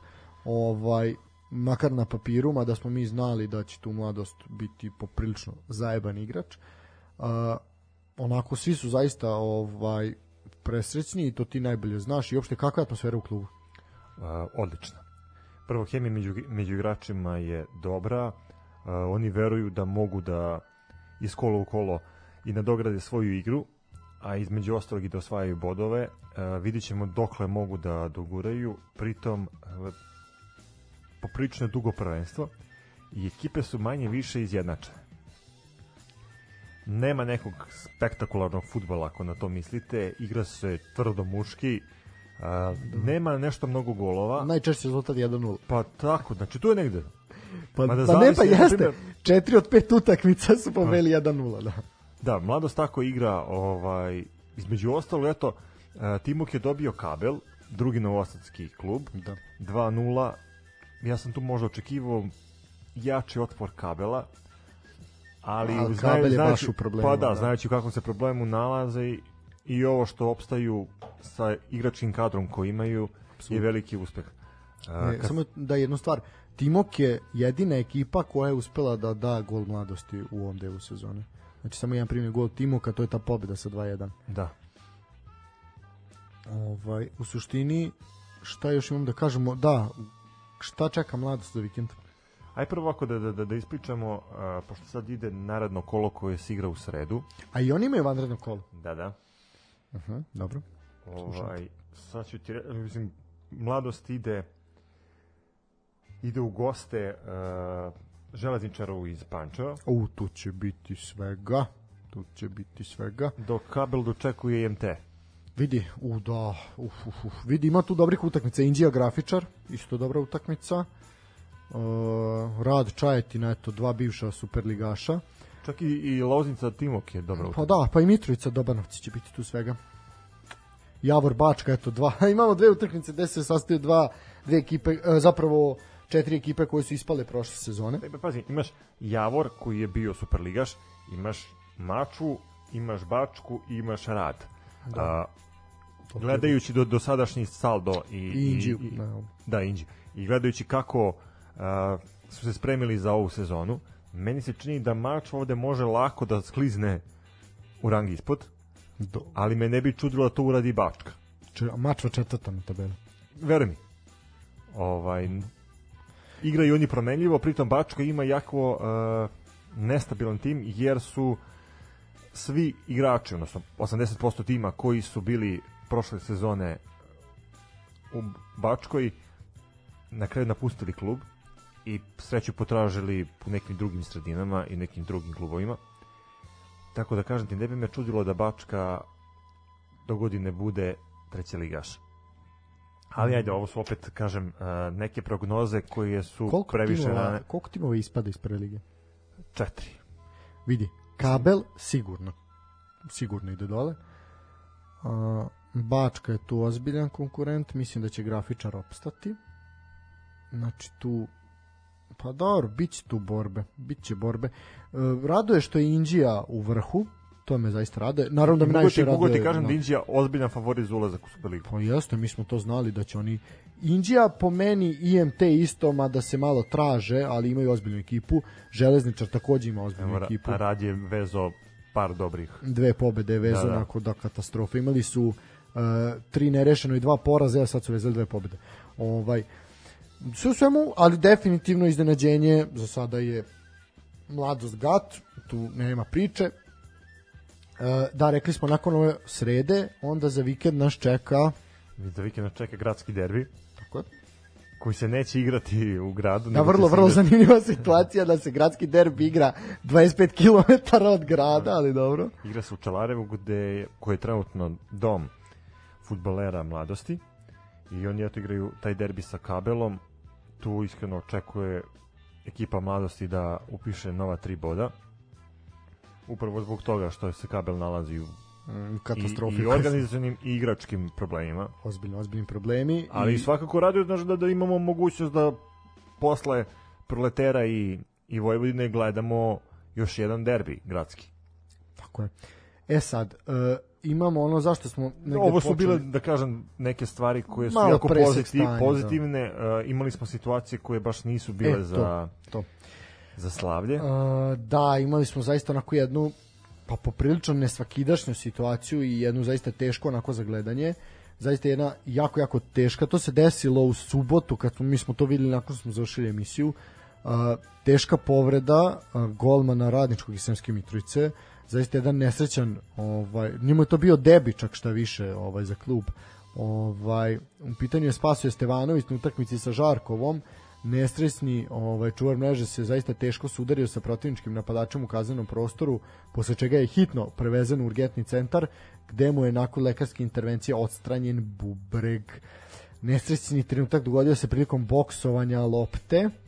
A, zaista eto strašno u 35. minutu susreta ovaj čovjek je iznad na nosilima u strašnim bolovima i čoveku je odstranjen odstranjen bubreg što onako mislim da poprično znači kraj za njegovu karijeru mada se iz kluba još uvijek nisu u, uglasili u tom tom smislu nego da mu žele brzo oporavak da će on biti deo njihovog kolektiva. Što se tiče Spasio Stefanovića on je karijeru započeo u Brsku iz Borče zatim igrao za Teleoptik e, za Beograd, Radnički Obrenovac Pask, išao je čak u Makedoniju u, SAD, u Finsku Jermeniju. Ovaj, a prošle sezone nosio dres Širaka. Širak je poznat našim ovaj, ljubiteljima futbala kao je to oponent Partizana u kvalifikacijama za jednu od Ligi šampiona. Ovaj, eto, puno sreće i mi želimo i brzo poravak Stevanoviću zaista uz nadu da se ovakve stvari neće, neće dešavati ali eto, št- mislim, sve ovo deo sporta i ovo je jako, jako strašno i ja se odmah setim ovaj, one priče bože sad mozak, Milutina Šoškića ovaj koji je imao zaista nekoliko teških povreda tokom karijere i kolena su stradala i svašta nešto što tad golmani nisu bili toliko zaštićeni kao danas. Ovaj, ali zaista je jako, jako je teško biti golman, jako puno udaraca se prima, a opet se najmanje, najmanje o njima priča.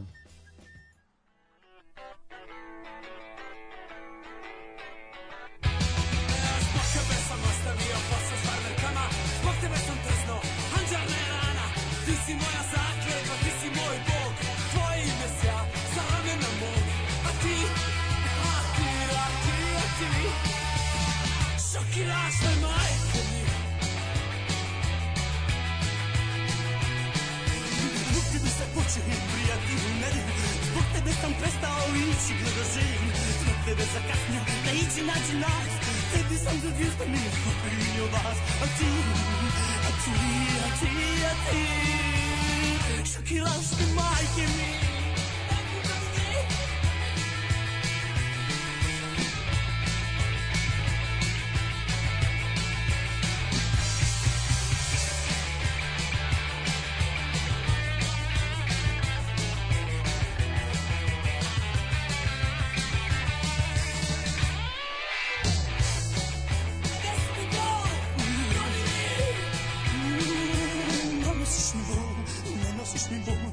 носиш ми бол, ти.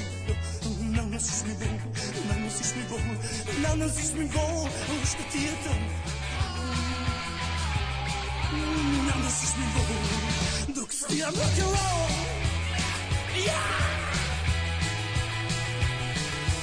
Пак тебе се плачех, приятел Нелю, пак тебе съм престал, ти че гледах желю, пак тебе закаснил, дай, че наче нас, къби съм за 200 миля,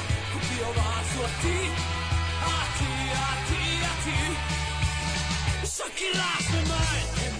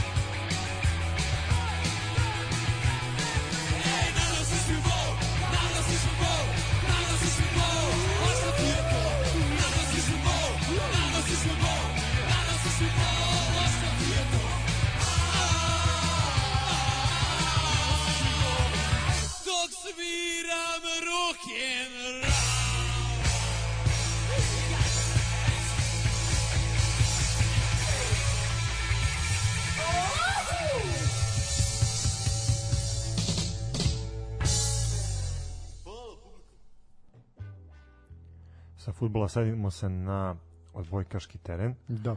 Ovaj, prvo... Ispratili smo najzanimljivije momente evropskog prvenstva u Poljskoj. Koliko si utakmica od, odgledao? Odgledao sam samo naše odbojkaše u polufinalu i to je bilo dobro. Strašno. dobro. Ovaj, Da, završeno je za vikend, za vikend ovaj evropsko prvenstvo, prvenstvo u Poljskoj. U subotu i nedelju se igrala polufinala i finala. E, naši momci su zaista mleli onako redom do tog polufinala. Čini se da su puni samopouzdanja došli do do da, situacije da, da mogu da rešavaju svoju sudbinu i mi smo ih već videli na krovu Evrope. Pa međutim, makar u finalu. Da. Međutim, eto, desila se ta polufinalna da, utakmica sa selekcijom prvo, Italije. Prvo, prvo na prvo polufinale, ovaj, nemoj preskakati, idemo redom.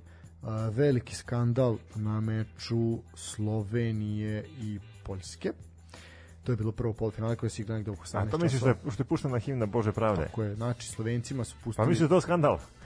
pa nego što je, kako nije skandal, pa, prvo še ne... Pogledaj, pogledaj koliko naših ljudi tamo radi popriličan skandal.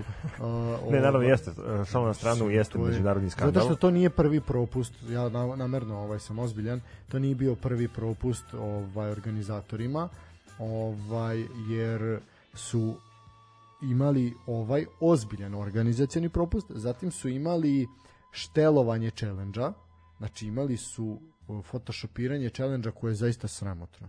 Zato ih treba izbaciti sa turnira. Znači to je sramota, sramota, sramota. A, Doživotno su, znači ne, više ne igrate odbojku i kraj. Znači to je jezivo.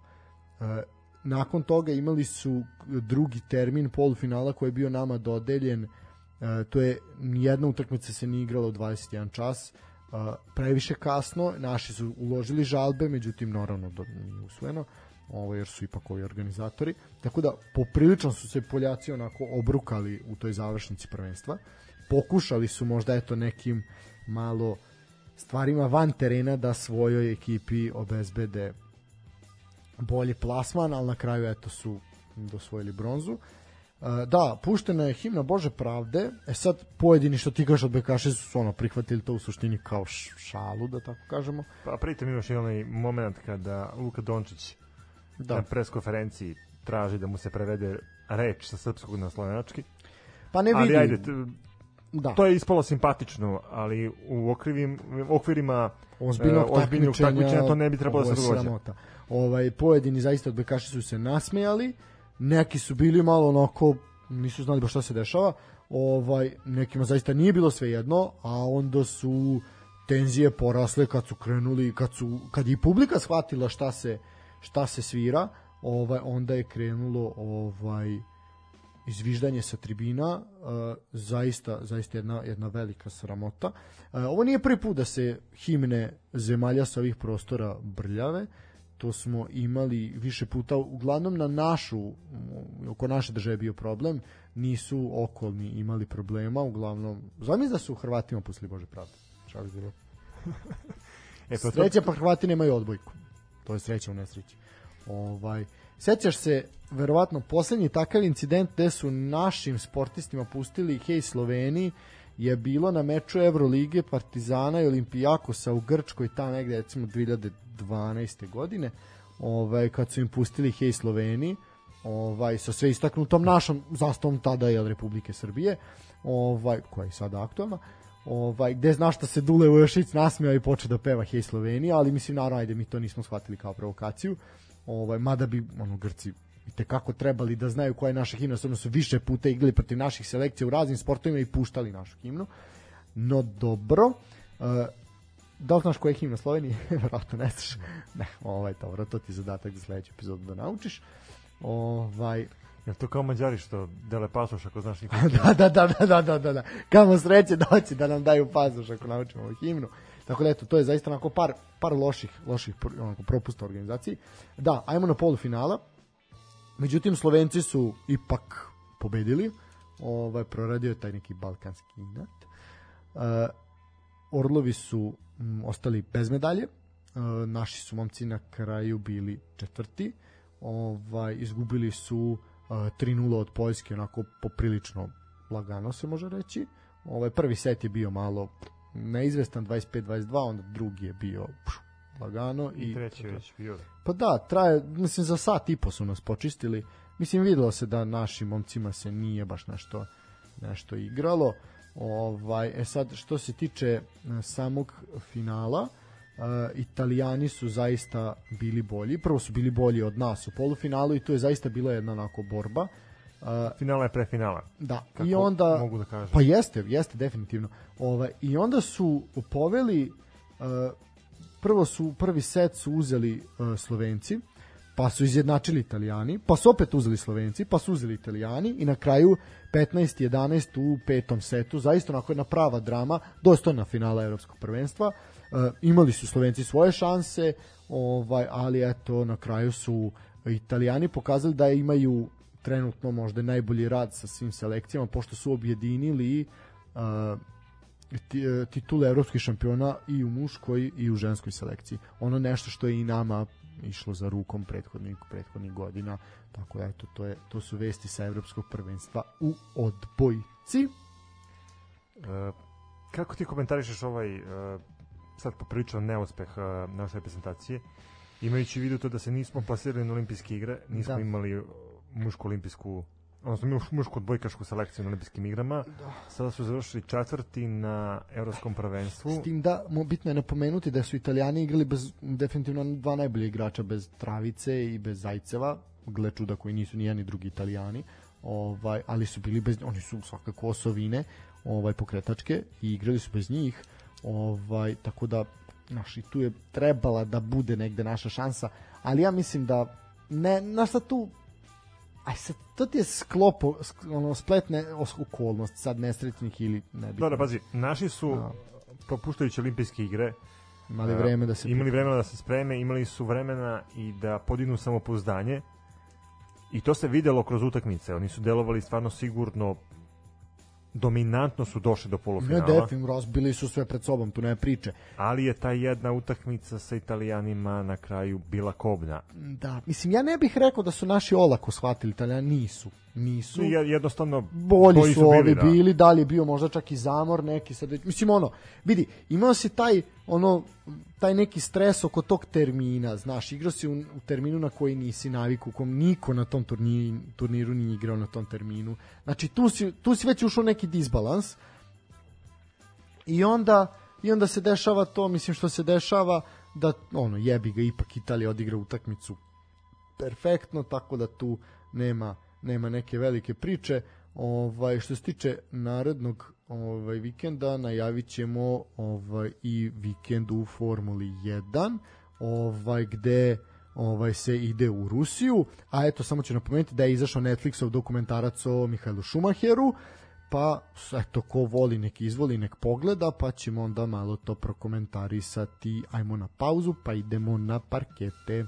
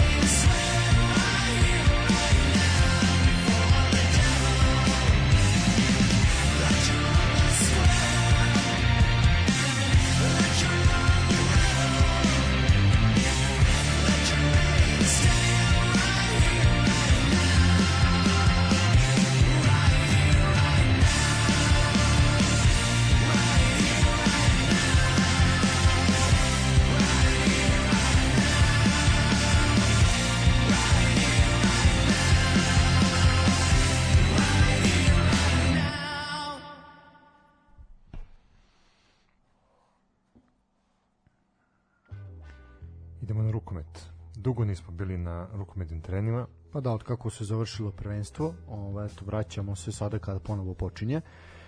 Uh, krenula je Superliga za vikend.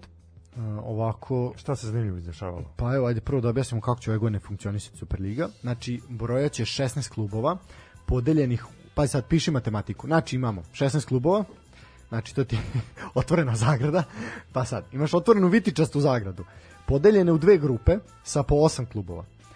Uh, E sad, za razliku od A i B prethod- grupa, tako? Da, da. Za razliku od prethodne, na kraju sezone, e, znači za razliku od prethodne sezone, na kraju ove sezone čak četiri tima će ispasti. E, na, prvu, na kraju prvog dela sezone, posle 14 kola, četiri najbolja tima iz obe grupe izborit će plasman u play-off, dok će, da. da, dok će ostalih osam klubova se boriti u play-outu za opstanak. U play-offu svi postignuti rezultati i osvojeni bodovi se brišu, dok će u play-outu bodovi iz prve faze da se prenose u drugu. A igrat će se samo protiv onih timova iz druge grupe. Pitanje, pitanje matematički zadatak sa zvezdicom. Koliko Koliko, će puta igrati jedni s drugima i koliko će utakmica odigrati? Nemaju pojma ni oni. Znači, nema šanse. Ovo ko izračuna, nek se javi u inbox na Facebooku, Instagramu i Twitteru, sportski pozdrav, ili na 060-714-5266 sa tačnim odgovorom i dobit će prigodnu nagradu. A Znači- čekaj, mene sad zanima za taj play-off. Dobro. Ti imaš četiri ekipe iz jedne i četiri ekipe iz druge, znači imaš osam ekipa. Nisi razumeo. Tako? Čekaj, ne, ne, ne, ne, ne, ne, ne, ne. Imaš, ukupno imaš 16 ekipa. Znači, playoff možda ti ima 8, a playout 8.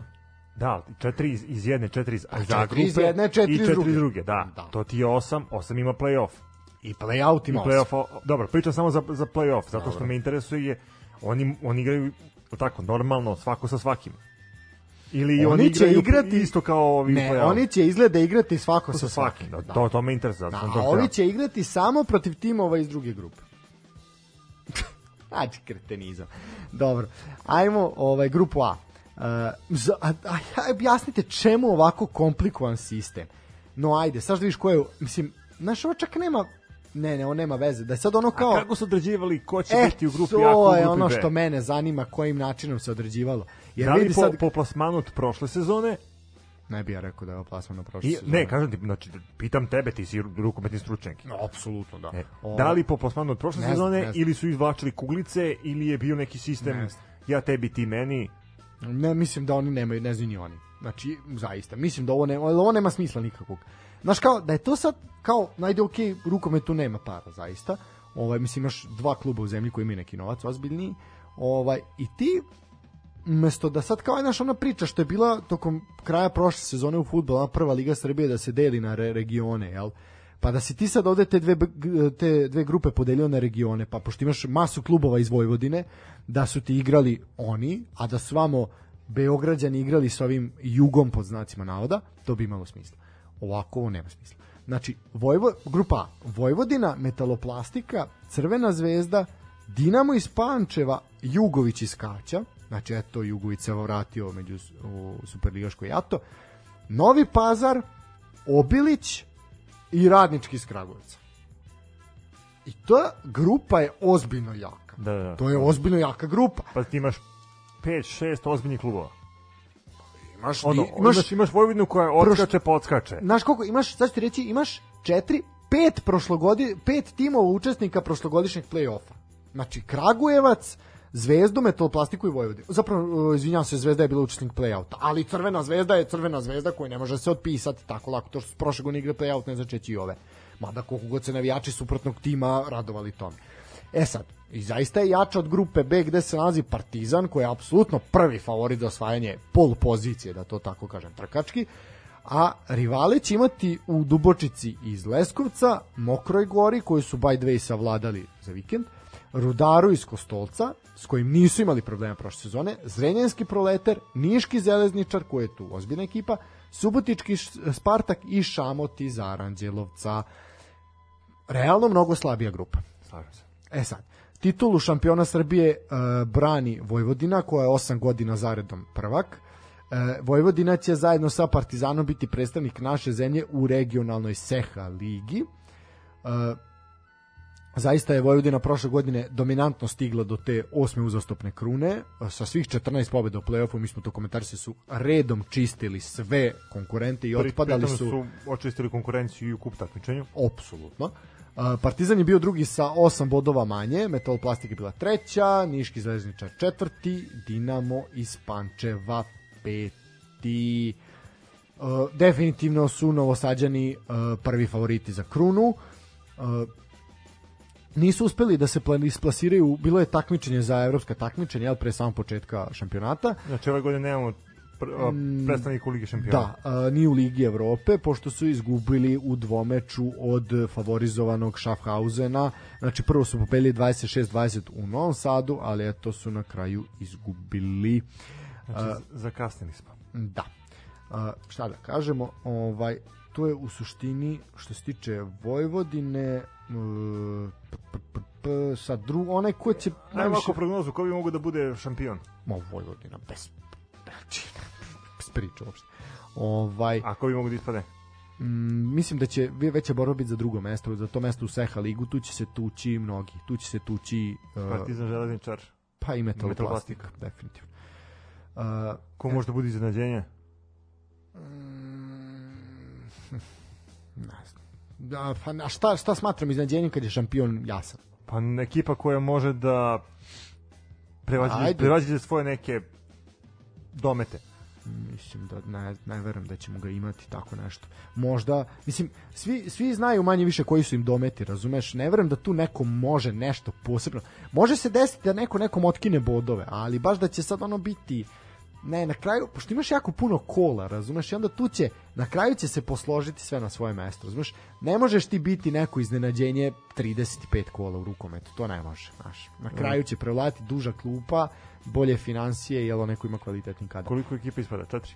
Da. E, Veselin Vuković je e, napustio klupu metaloplastike. E, Miodrag Kažić je ovaj njegov dosad, dosadašnji pomoćnik je preuzeo ekipu, tako da eto tu je tu je neka rokada. E, a kad smo kod rokada, eto, uh, desilo se da je Jugović iz Kaća otpustio svog trenera samo nakon 7 dana.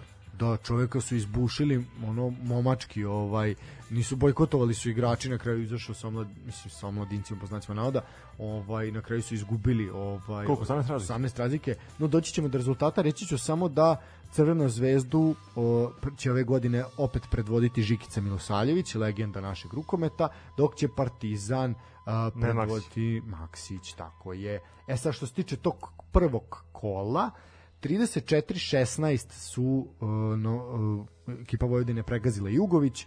Ovaj, uh, u suštini svi domaćini su ostvarili triumfe u ovom kolu. Uh, na poluvremenu je bilo 18-6. Znači već plus 12 je bilo na poluvremenu. Ovaj eto tako da poprilično poprilično težak težak rezultat. Uh, reći ću samo ovako ostali rezultati Dinamo Obilić 31-25 Radnički Kragujevac Novi Pazar 35-26 Partizan je savladao Mokru Goru na Banjici sa 37-26 Železničar je, bio, je izgubio od Proletera uh, u Nišu sa 26-32 uh, Dubočica je dobila Spartak 30-22 ovaj, a a, Rudar je bio bolji od Šamota sa 31-29, to je bila recimo utakmica sa najmanjom razlikom. Uh, eto ono što je vredno pomena da je bivši reprezentativac Srbije Dragan Tubić ovaj blistao u ekipi Radničkog iz Kragujevca. Eto levoruki veteran postigao je 9 golova iz 9 pokušaja što je mora se priznati poprilično zanimljivo. I meni je to upalo upalo u oči. Eto kao neko ko je ipak igrao i za reprezentaciju u suštini, eto, vraća se i rukometno prvenstvo, bit će tu dosta izjednačeno. Ovaj prvi deo možda ne toliko, ali kad krene one najzanimljiviji ćemo svakako uživati u dobrom rukometu. E sad je pitanje hoće li ga prenositi RTS. Kao To- prošle sezone. Da, bilo bi lepo. Pa stvarno bi bilo lepo da se nastavi ta tradicija. Znamo da Arkus na bože YouTube kanalu Arkus Lige da se ti prenosi vrše. Tako da eto to je neka tradicija koja se nadamo da će se nastaviti, a eto i ono što smo hvalili RTS prošle sezone. Stvarno, prošle da godine će su to- prošlo dobro odradili, imali da. smo mogućnost da preko malih TV ekrana pratimo utakmice domaće rukometne lige. koja je bila zanimljiva, izjednačena. Koliko suštini- će ovaj uh, novi sistem takmičenja doprineti kvalitetu, to ćemo da vidimo. Ovo je, a to je veliko pitanje. To ovo je, ovo je stvarno eksperiment koji radi rukometni savez Srbije. Da, ali vidi, mislim, a ništa to, u, ti u svakoj našoj ligi nemaš pojma kakve su, mislim, nemaš pojma kakve su propozicije. Sve je, ono, svake godine sve smešnije i smešnije, sve se donosi u hodu, nema nikakvog nigde sistemskog pristupa, kreni od futbala koji je najunosniji, pa onda ovih manjih, mislim, uskoro će krenuti i Waterpolo liga, krenuće i ABA liga uskoro, tako da ćemo imati o čemu da se priča, ali znaš šta je poenta? Nek oni prave cirkus, mi ćemo imati više, više mesa za priču, toliko od mene, Stefan izboli. Pa ništa, to bi bilo to za večerašnje izdanje sportskog pozdrava. Slušamo se ili u petak ili narednog ponedeljka, u zavisnosti od raspoloženja vaših voditelja. Najavit ćemo na našim Instagram i Facebook stranicama kao i na Twitteru u kojim terminima se slušamo, a do tada prijatno večer i sportski pozdrav.